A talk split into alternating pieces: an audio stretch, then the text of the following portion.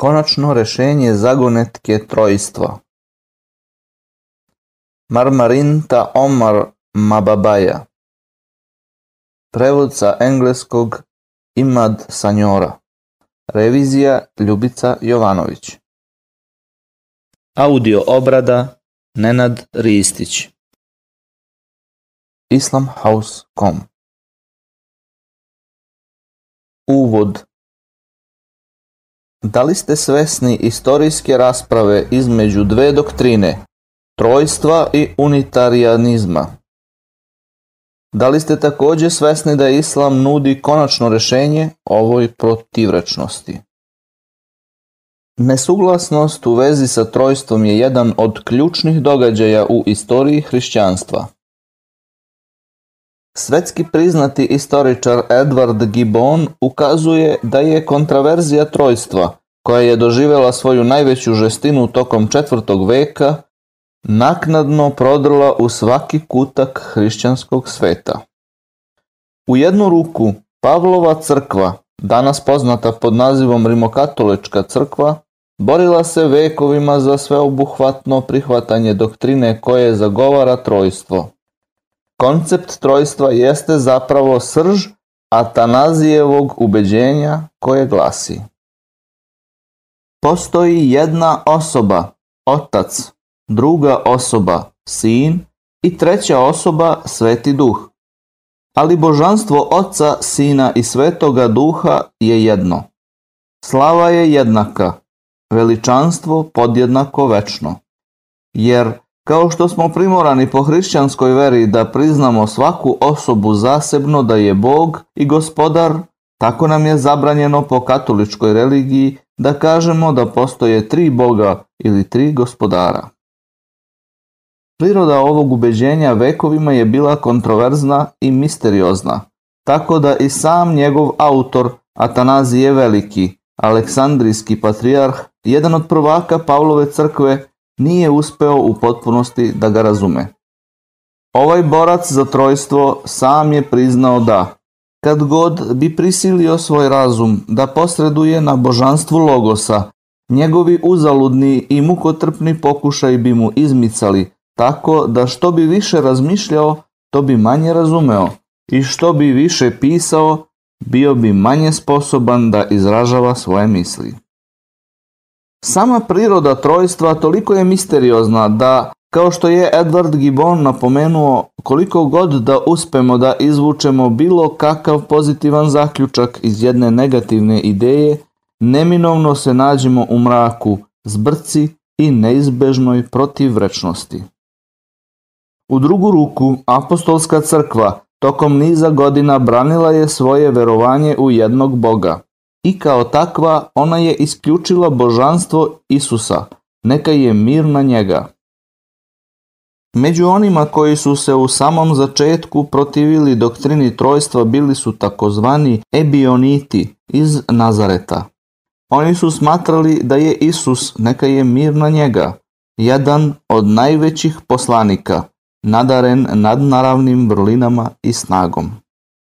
Misterije oko hrišćanstva bile su opasno izložene javnoj debati kada se Arije, jedan od prvaka apostolske crkve, suprotstavio biskupu Aleksandru, prvaku Pavlove crkve.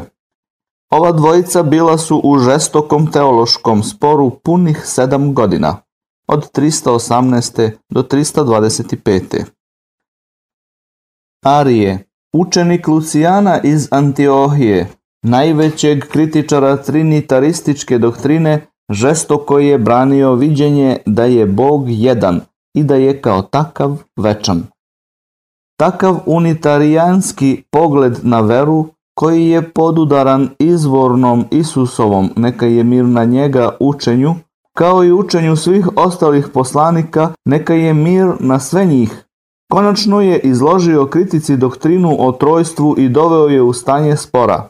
Ovo međutim nije zaustavilo crkvu Pavla da pridobije kontrolu nad velikim delom hrišćanstva. To se dogodilo usled dobro poznatih razloga o kojima će se diskutovati nešto kasnije. Sledeće poglavlje pokazat će nam istorijsku podlogu trinitarističke kontroverzije. Istorijske beleške Rasprave o trojstvu Pogled na hrišćanstvo sa stanovništva trojstva nastalo je mnogo godina nakon nestanka Isusa, neka je mir na njega. Bez sumnje, ono nije bilo praktikovano od strane Isusa, neka je mir na njega, niti od bilo kog drugog poslanika. Zapravo, istinski sledbenici Isusa, neka je mir na njega, nastavili su potvrđivajući verovanje u jednog Boga sve do 90. godine. Verovanje u jednog Boga prikazano je u delu Pastir iz Hermesa, napisanom u tom periodu i koje se poštovalo kao knjiga otkrivenja ranih hrišćana. Osim što je propisalo verovanje u jednog Boga, ovo sveto pismo sadrži i ostale srodne zapovesti o iskrenosti, istinitosti, čistoći, strpljenju, poštenju, pobožnosti, samokontroli. Određenije, prva od ovih zapovesti glasi Pre svega, veruj da je Bog jedan i da je On stvorio sve stvari i uredio ih od ničega što pre nije postojalo, učinio da sve stvari nastanu i On sadrži sve stvari, ali je On sam nesadrživ. Veruj mu zato i boj ga se, i bojeći se njega održavaj samo kontrolu. Drži se ove zapovedi i udaljit ćeš od sebe svu zlokobnost. Činit ćeš sve sa čestitošću i živećeš za Boga ako se pridržavaš ove zapovedi. Ubeđenje apostolske crkve Ja verujem u Boga, Oca Svemogućeg. Bilo je poznato ranim hrišćanima 120. godine Reč otac je zapravo dodata ovom tekstu između 180. i 210. godine. Jedan broj vođa apostolske crkve osudilo je ovu inovaciju jer im je neprihvatljivo bilo uvoditi nove ideje u izvorna Isusova, neka je mir na njega učenja. Jedan od ranijih prvaka apostolske crkve bio je Iraneus – koji je nasledio biskupa Pontiusa iz Liona 177. godine, nakon što je ovaj brutalno ubijen. Godine 190. Iraneus piše papi Viktoru da obustavi masakre nad hrišćanima koji se ne slažu sa doktrinom koju zagovara crkva Pavla, koja je bila podržavana od strane Rimljana. Iraneus je verovao u jednog Boga, i podržavao je doktrinu o Isusu, neka je mir na njega, kao čoveku, a ne Bogu. Iraneus i ostali rani unitarijanci, hrišćani koji su verovali u jednog Boga, užasavali su se trinitarističke dogme, koja je odstupala od prvobitnog Isusovog neka je mir na njega učenja. Sve do 200. godine reč trojstvo koje je danas nukleus hrišćanskog načela, nije uopšte bila poznata crkvi. Trojstvo je dobijeno od latinske reči Trinitas, koja je po prvi put korišćena od strane Tertulijana 200. godine, kako bi objasnio na latinskom čudnu doktrinu crkve Pavla. Sam Tertulijan je pripadao Afričkoj crkvi. On je verovao u jednog Boga, i poistovetio je Isusa, neka je mir na njega, sa jevrejskim mesijom. On se suprotstavio papi Kalistu zbog podučavanja da se i najveći greh može oprostiti nakon pravilnog kanonskog pokajanja. Tertulijan je bio jedan od onih koji je otvorio put za doktrinu spasa, barem delimično, čineći dobra dela. Svakako oni koji su pripadali apostolskoj crkvi prihvatili su jasno značenje reči koje je Isus, neka je mir na njega, govorio kao što je oličeno u ranijim svetim pismima. Bez pribegavanja misterioznim dogmama oni su nastavili da podržavaju onaj deo verovanja, verujem u Boga svemogućeg, sve do 250. godine. U svom pokušaju da opovrgne trojstvo u hrišćanstvu, Lectanius 320. godine i Eusebije iz Nikomedije napisali su Hristos nas uči da zovemo njegovog oca istinskim Bogom i da se njemu molimo. Ovi rani unitarijanci bili su dovoljno hrabri da izlože svoja viđenja kako bi opovrgli dogmu trojstva. Uprkos kampanji proganjanja provedenoj protiv njih. Istinski vođa bio je Arije, koji se 318. godine u svom poznatom stilu suprotstavio Pavlovom viđenju da je Isus, neka je mir na njega, bio sin Božiji i da je božanskog bića i jednako večan kao i njegov otac.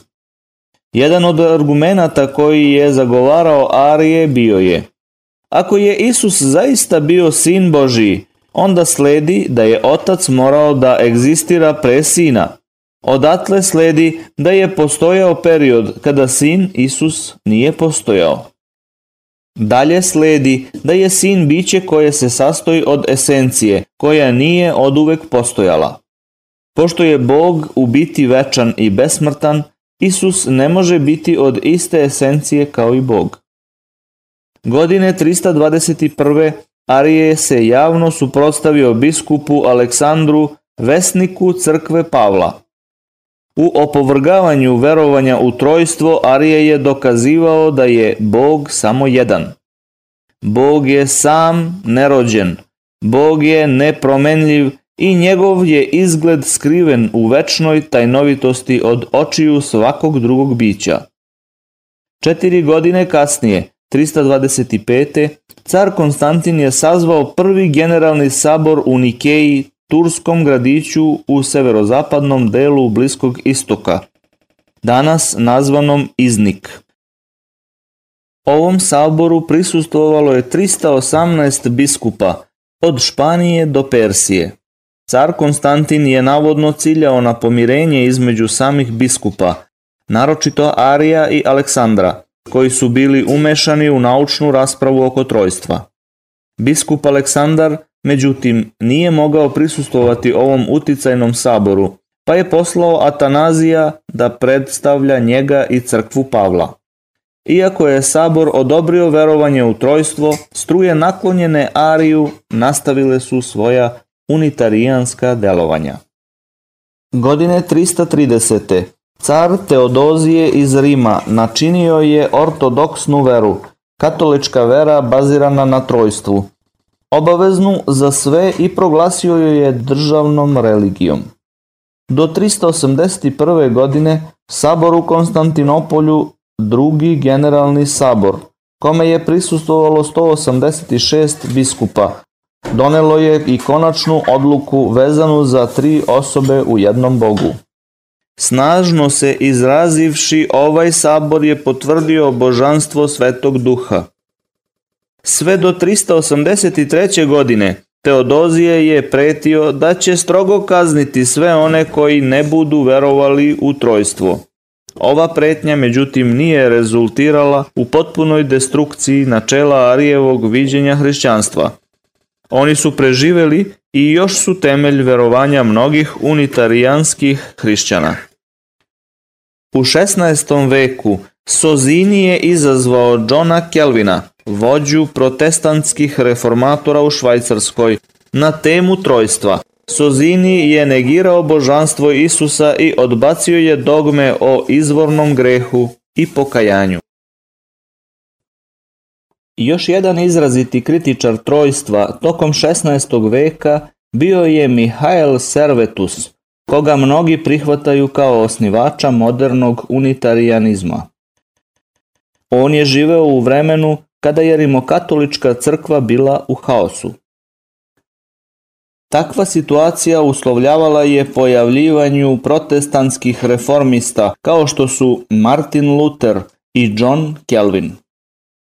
Servetus je, međutim, zaključio da reformistički pogledi na hrišćanstvo fundamentalno odstupaju od učenja Isusa, neka je mir na njega, a posebno onaj deo koji se odnosi na verovanje u jednog Boga. Tako je on 1553. godine objavio knjigu pod naslovom greške u trojstvu, u kojoj navodi Filozofi su izmislili treće, posebno biće, istinski različito od prethodna dva, kojeg su zvali treća osoba ili sveti duh. Tri bića u jednoj prirodi.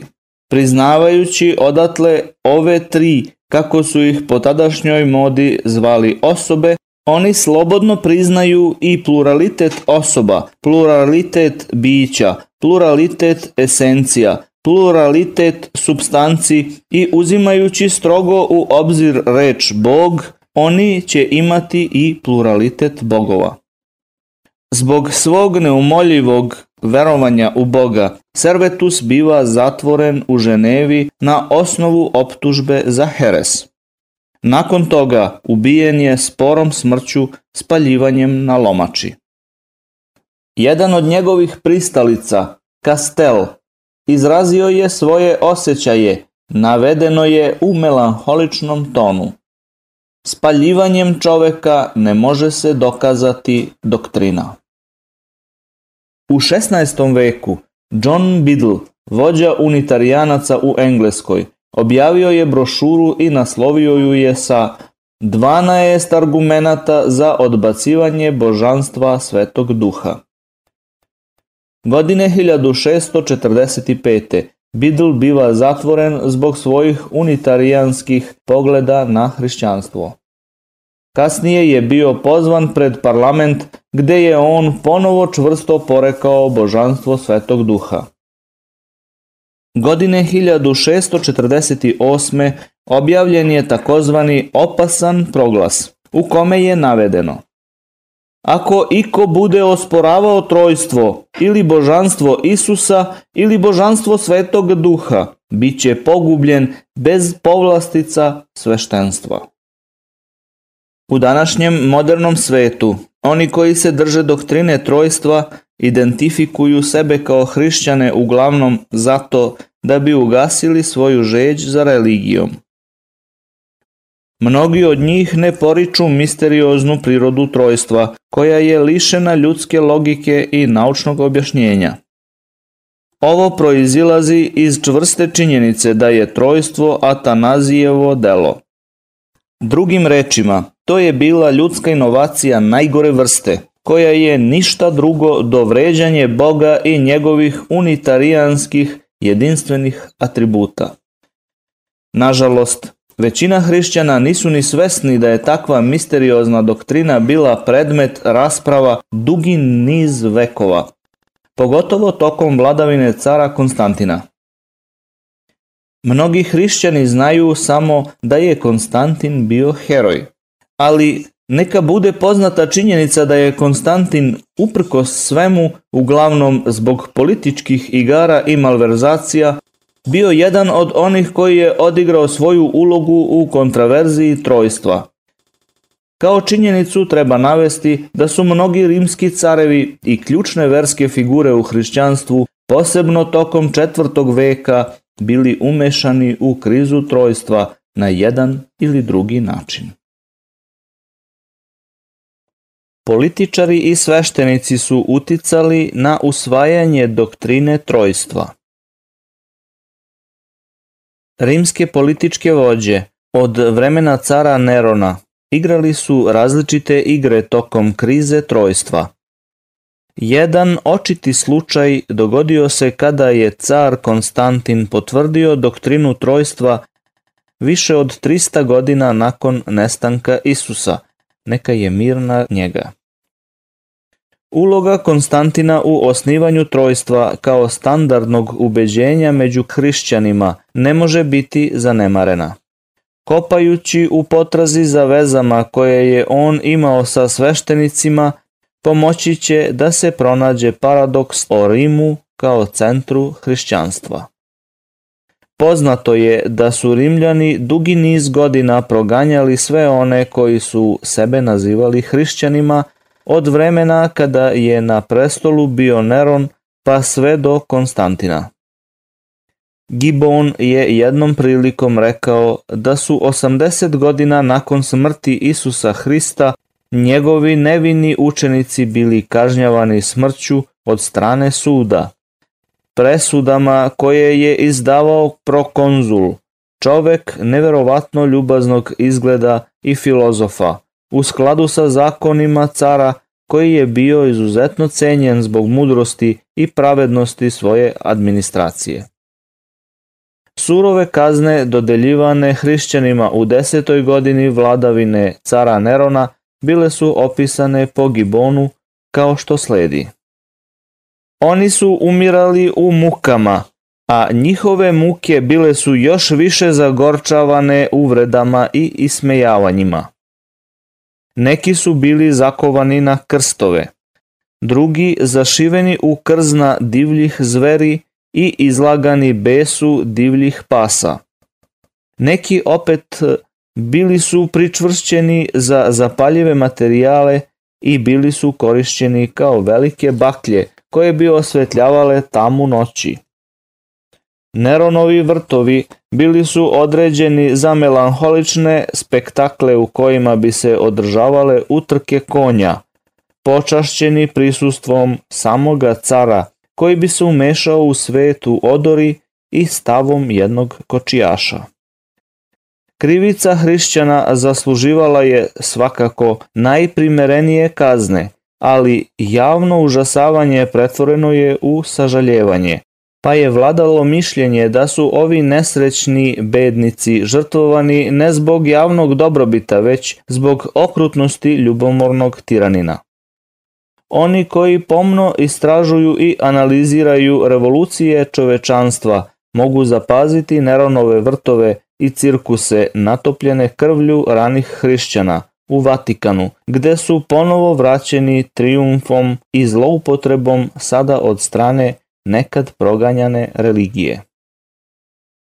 Tokom vladavine cara Dioklecijana bile su izdate najmanje četiri nama poznate zapovedi o progonima hrišćana i paljenju svih njihovih crkvi. Iako je car abdicirao 305. godine, progon hrišćana je nastavljen narednih 10 godina i blizu 2000 njihovih vođa bilo je egzekutirano. Sa ovakvim nehumanim tretiranjem ranih sledbenika Isusa, neka je mir na njega, od strane Rimljana, paradoksalno je da je upravo Rim postao centar hrišćanstva. Rimljani su bili najžešći neprijatelji Isusa Hrista, neka je mir na njega, i oni su bili ti koji su ga navodno razapeli. Svakako su Rimljani, posebno car Konstantin, igrali vitalne uloge u osnivanju Rima kao centra hrišćanstva. To je bilo čisto politički potez kojeg su Rimljani povukli da bi održali i proširili svoje carstvo sa ogromnom bazom korisnih subjekata u koje su bili uključeni i hrišćani.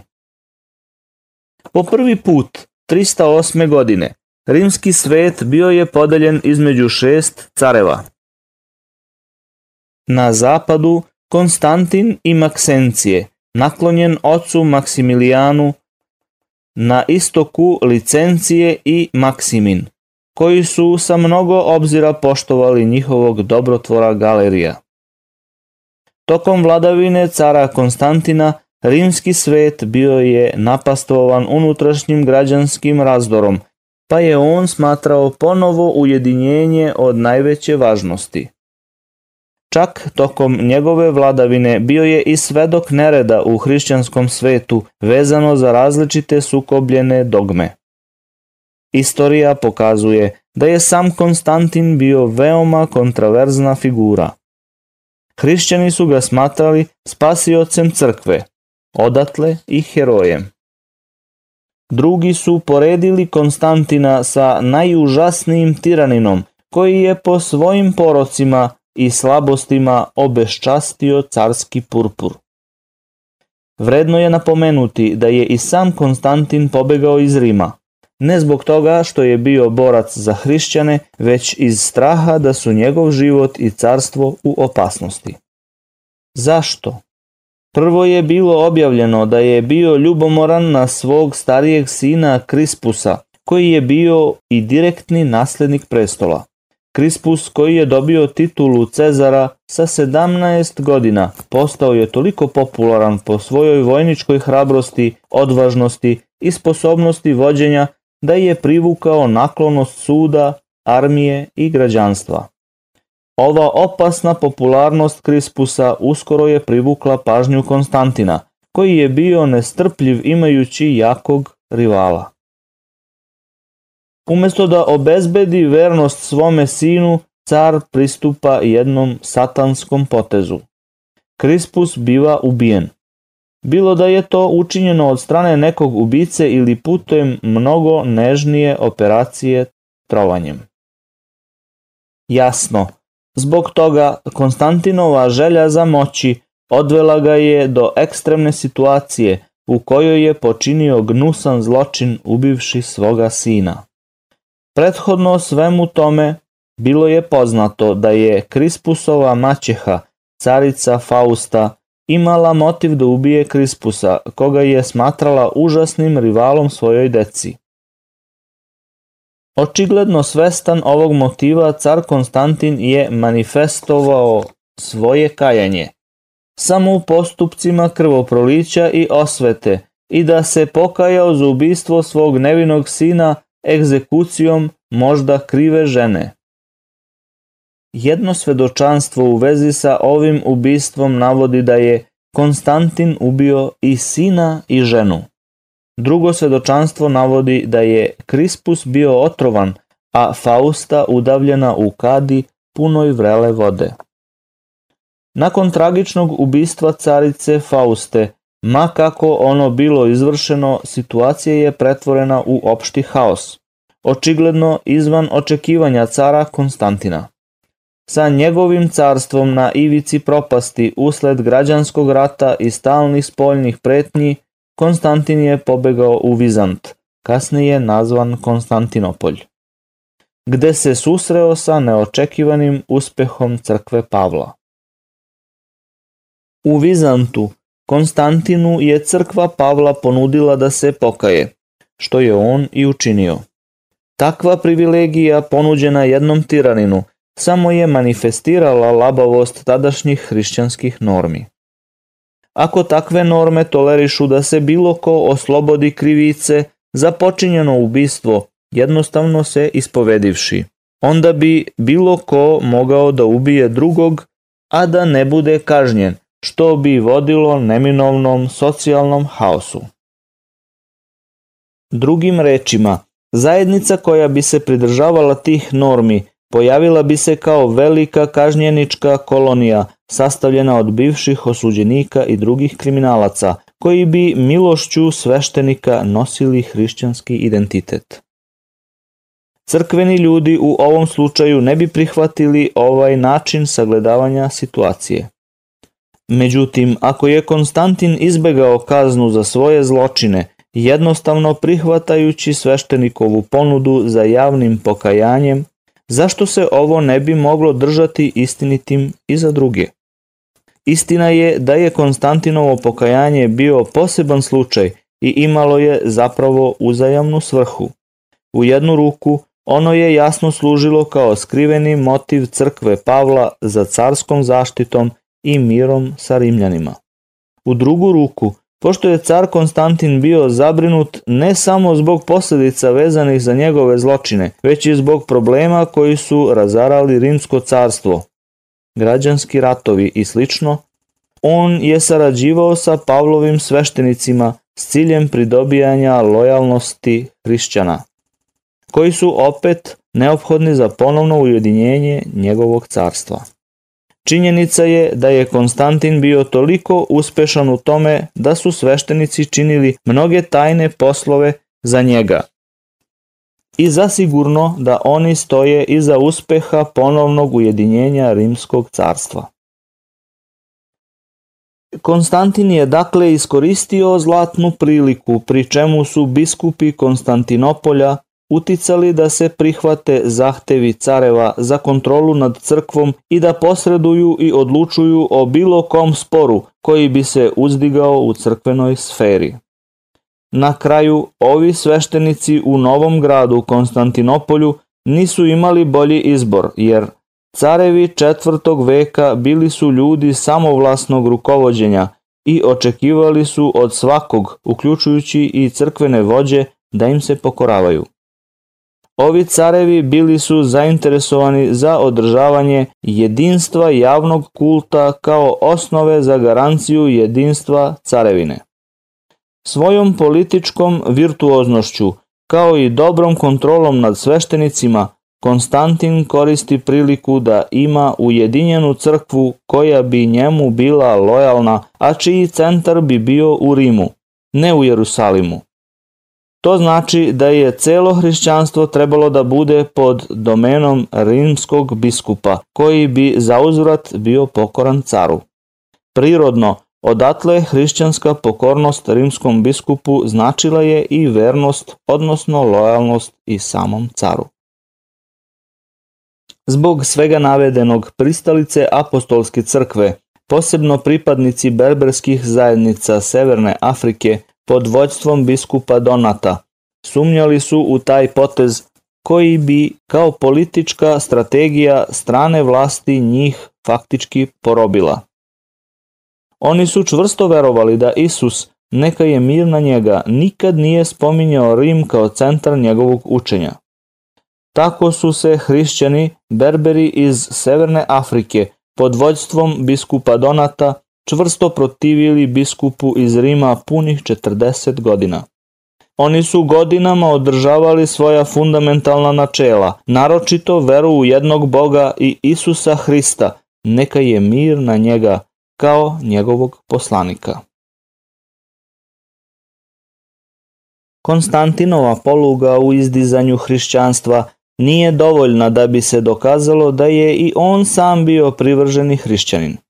Istoričar Richter slaže se sa Gibonom da je Konstantinovo hrišćanstvo bilo upravo zbog političkih interesa.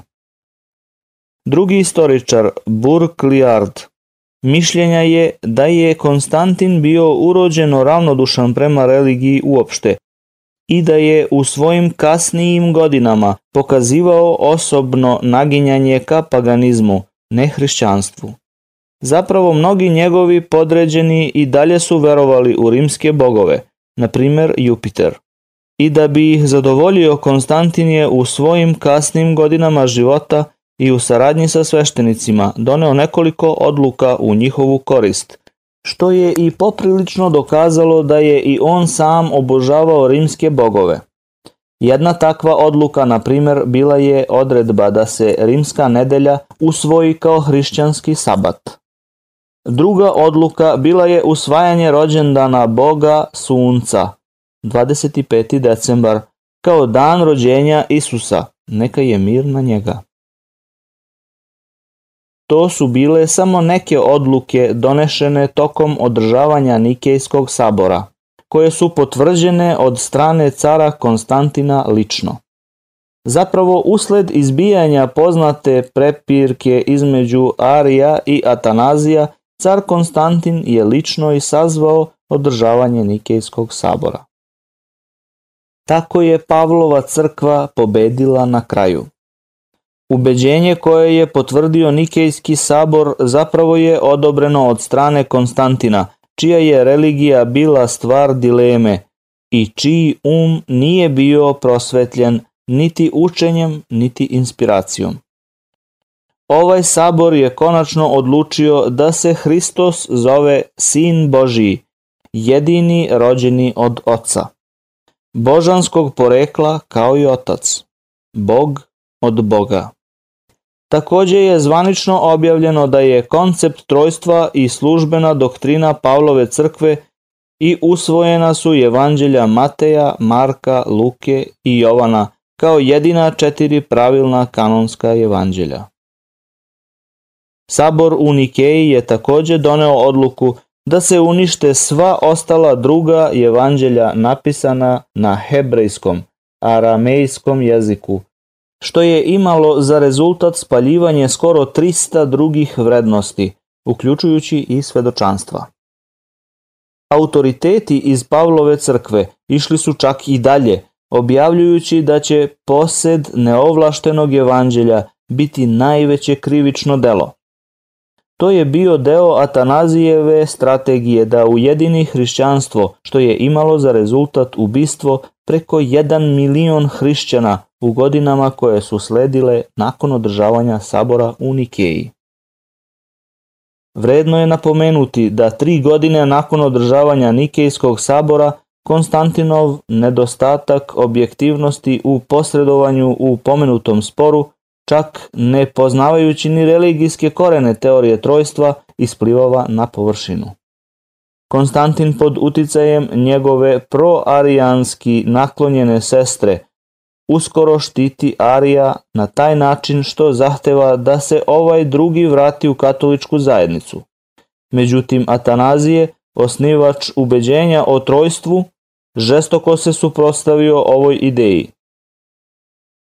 Konstantin je međutim ostao principijalan u svojoj nameri da se Arije svečano primi u zajednicu u Konstantinopoljskoj katedrali, ali na isti dan kada je trebalo da triumfuje 336. godine, Arije je iznenada umro.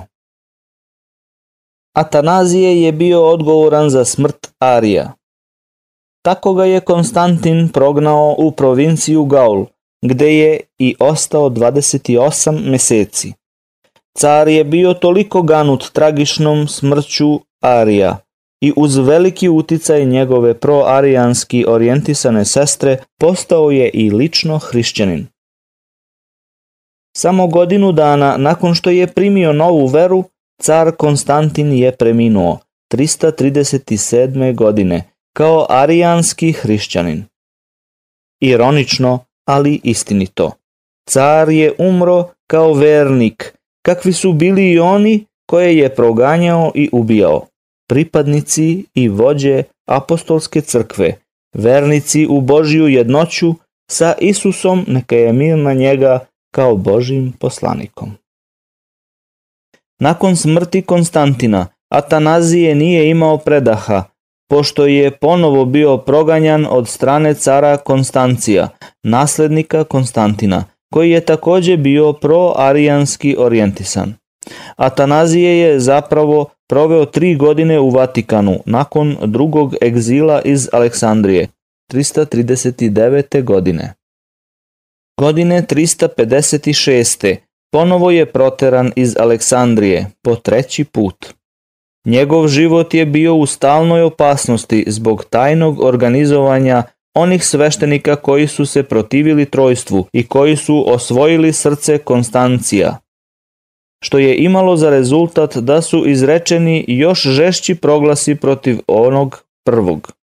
Na primer, izdašne nagrade bile su obećane na osnovu carskog proglasa čoveku koji bi Atanazija doveo mrtvog ili živog, a takođe i stroge kazne bile su predviđene protiv onih koji bi se usudili da zaštite državnog neprijatelja. Tako je Atanazije pokušavao da pobegne upličući se u različite opasnosti. Jedna od tih opasnosti vodila je u protivzakonitu radnju, preljubu između njega i jedne mlade žene, čuvene po svojoj neodoljivoj lepoti. Tokom šest godina izbeglištva i progonstva nastavio je da je posećuje. Obelodanjivanje ovakve nemoralne afere u koju je umešan osnivač ubeđenja o trojstvu nije iznenađujuće, pošto su mnogi drugi hrišćanski sveštenici bili umešani u preljube i druge velike protivzakonite radnje. Uzimajući u obzir istorijsku podlogu Atanazijevog nemoralnog ponašanja i perverzne njegove ličnosti, žalosno je da se hrišćani i danas drže njegovog ubeđenja, verovanja u trojstvo. U ovom kontekstu ne treba zaboraviti da, iako je car Konstantin priznao doktrinu trojstva, isti je umro u veri onih koji su se suprotstavljali toj doktrini, hrišćani koji su verovali u jednog Boga svemogućeg. Ovo poslednje dokazuje da se on zapravo nikada nije slagao sa tom doktrinom. To je i potvrdilo ispravnost kazivanja da je njegovo posredovanje u kontraverziji trojstva bilo čisto politički motivisano, a ne duhovno inspirisano. Nažalost, utemeljenje i razvoj hrišćanstva bilo je pod velikim uticajem politike i nečijih interesa, a ne pod uticajem praktičnog života i autentičnog učenja Isusa, neka je mir na njega. Uticaj Pavla na današnje hrišćanstvo je drugi očigledan slučaj. To ćemo analizirati u sledećem poglavlju. Uticaj Pavla i Pavlove crkve Pavle je bio samo proklamovani apostol neznabošcima. Pozivanje na njegov život i njegovu ličnost uglavnom se zasnivalo na primarnim izvorima, naročito iz njegovih poslanica i delom na osnovu Lukinih zapisa u svom evanđelju. Značajniji izveštaj o prirodi Pavlovog života, istorijski, činjenica je povećavaju sumnju da je on mnogo toga izmislio kako bi uskladio svoje motive, naravno bezuslovno, radi dobijanja najviše moći u hrišćanstvu. Svakako da su temelji današnjeg hrišćanstva nastali usled ogromnog uticaja Pavla. Kao osnivač današnjeg hrišćanstva Pavle svedoči.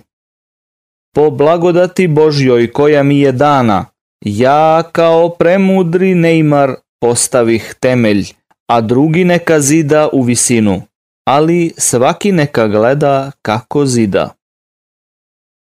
Michael Hart, američki matematičar, istoričar i izdavač, prilikom rangiranja stotinu najuticajnijih osoba u istoriji stavlja Pavla, a ne Isusa Hrista, na drugo mesto najuticajnijih osoba u istoriji, drugu posle poslanika Muhammeda, neka su blagoslov i mir na njega.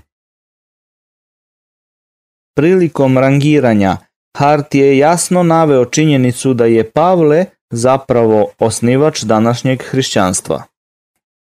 Pavle iznenađujuće nadmašuje Isusa, neka je mir na njega. U Hartovoj listi, jer je on napisao više sadržaja u Bibliji nego svi njeni drugi autori, dok sam Isus, neka je mir na njega, nije napisao ni jednu reč u njoj. Dovoljno je iznenađujuće da takozvane poslanice koje je Pavle slao Korinćanima, Rimljanima, Galatima, Efescima, Filibljanima, Kološanima, Solunjanima, Timotiju, Titu i Filimonu nemaju bitna pozivanja na istinite reči izrečene od samog Isusa, neka je mir na njega. Osim četiri oprečna stiha koji su navodno pripisani Isusu, neka je mir na njega. Preko 2000 ostalih stihova iz Pavlovih poslanica njegov su izum. Hrišćani bi trebali znati da sam Pavle spominje svoje sobstveno evanđelje, ne Isusovo, mir na njega. U svojoj poslanici Rimljanima kada navodi Na dan kada Bogu zasudi tajne ljudske po evanđelju mom, preko Isusa Hrista. Poslanica Rimljanima 2.16 Činjenica je da Pavlova poslanica Rimljanima služi kao temelj današnjeg hrišćanstva. Svakako da je to čudno i ironično, znajući da nijedan stih od ukupno 430 stihova nije formulisan od strane Isusa, mir na njega lično. Pavle se trebao neposredno pozivati na prvobitna učenja Isusa, mir na njega, da je njegovo zahtevanje za apostolstvom ili božanskom inspiracijom bilo svakako iskreno i istinito. Umesto toga, veliki deo njegovih biblijskih navedenih poslanica, naročito ona poslanica namenjena Rimljanima, uzeto je iz Starog Zaveta. Njegove poslanice su svakako bile proizvod mučnih napora ali to ne čini Pavla boljim od onih drugih ljudi, takođe autora Biblije. Vredno je napomenuti da Atanazijevo ubeđenje, o kojem smo ranije pričali, nije nikada poučavano od samog Isusa, mir na njega. Zapravo reč trojstvo ili Atanazijevo ubeđenje samo po sebi nije nigde sadržano u Bibliji. Dogma trojstva je izvedena i iz Evanđelja po Jovanu 5.7 koji navodi Jer postoje tri koja bilježe na nebesima, Otac, Sin i Sveti Duh, i ta tri su jedno. Hrišćanski biblijski učenjaci naknadno su otkrili da je ova dogma umetnuta u verziji kralja Jamesa. Zapravo, grupa od 32 hrišćanska učenjaka od najvišeg položaja, savjetovana od strane odbora sačinjenog od 50 predstavnika različite veroispovesti, izašla je 1946. godine sa novom verzijom, korigovanom standardnom verzijom Novog Zaveta i sa istodobnom revizijom kompletne Biblije 1952. godine odbacujući prethodno navedeni stih. Jedna od najvažnijih inovacija u Pavlovoj crkvi jeste krvno pokajanje.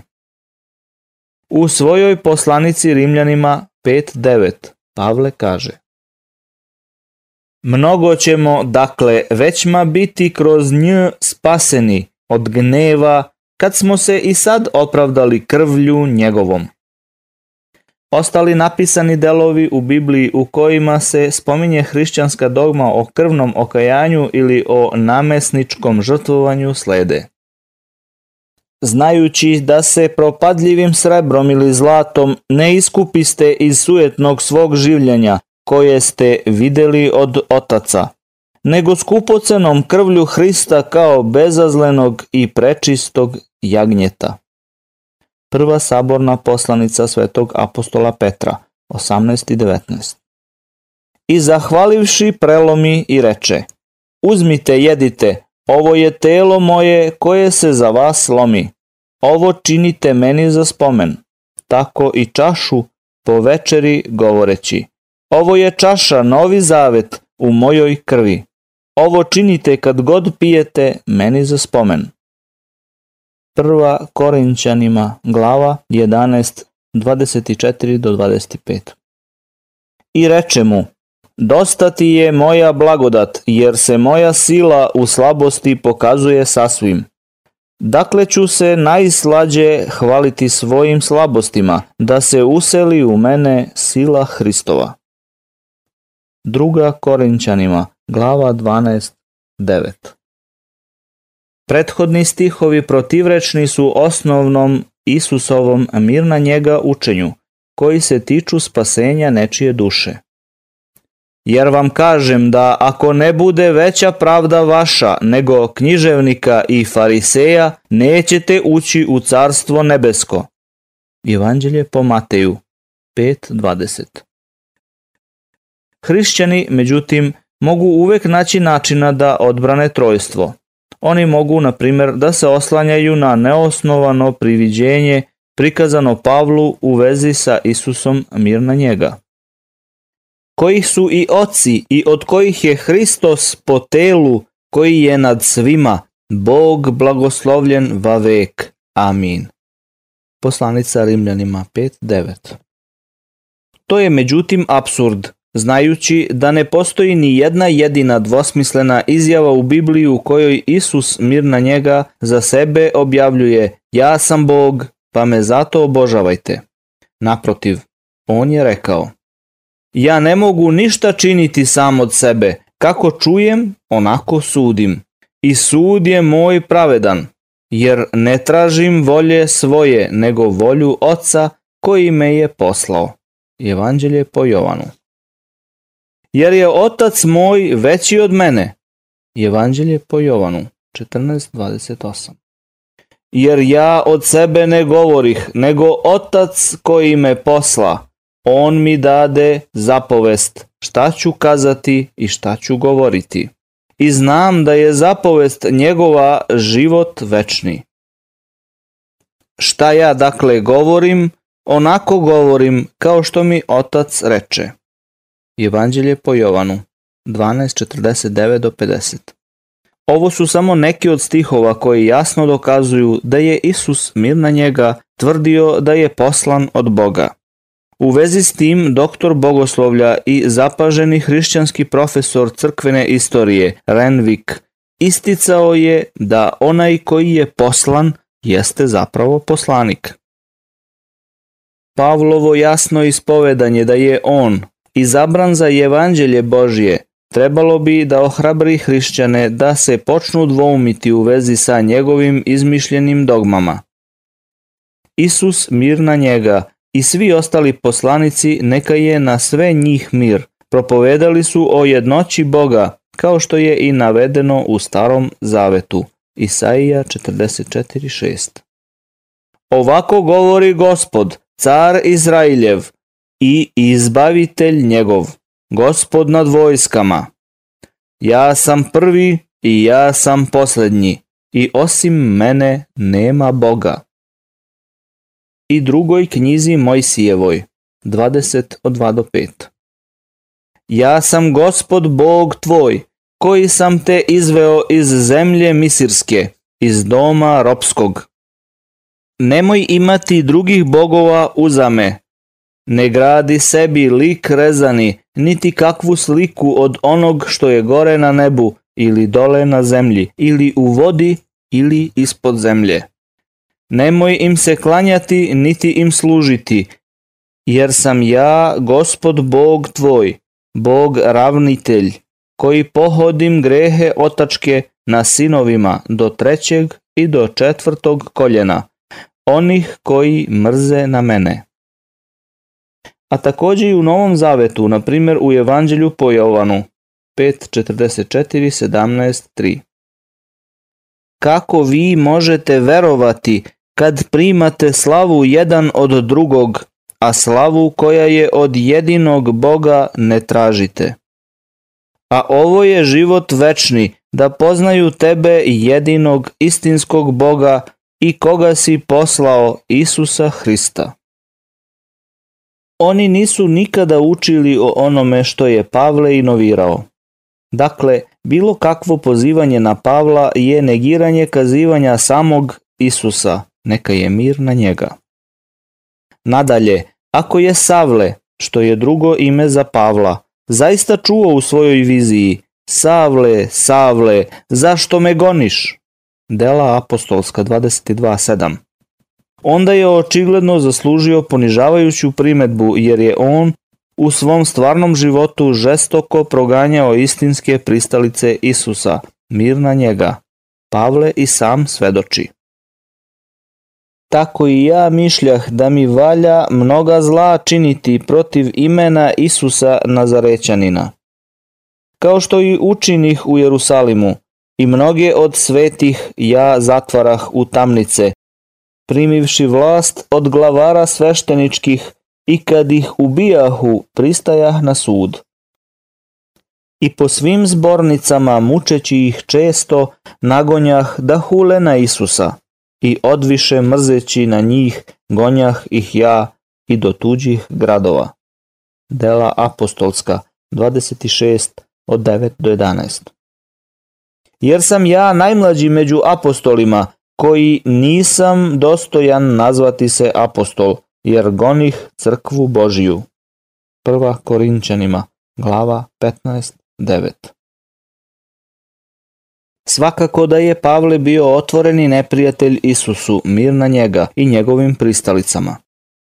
Normativnim aktom, a kamoli Božjim zakonom, Pavle bi bio isključen od dobijanja mesta apostola, imajući u vidu njegovu zločinačku pozadinu, posebno u vezi kampanje proganjanja istinskih Isusovih mir na njim pristalica.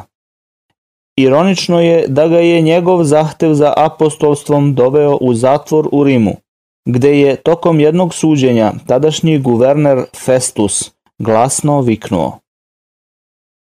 Pavle, mnoge te knjige izvode iz pameti. U stvari, on je i ubijen zbog borbe za principe samoproizvedenog hrišćanstva. Pavlova zločinačka pozadina svakako da je zaslužila najstrožu kaznu. Ostale inovacije Pavlove crkve uključuju usvajanje sljedećeg. Rimski dan sunca, nedelja, kao hrišćanski sabat. tradicionalni rođendan Boga Sunca kao rođendan Isusa. Simbol Boga Sunca, krst svetlosti kao simbol hrišćanstva i sjedinjavanje svih ceremonija koje su se izvodile na dan rođendanskog slavlja Boga Sunca u svoje rituale.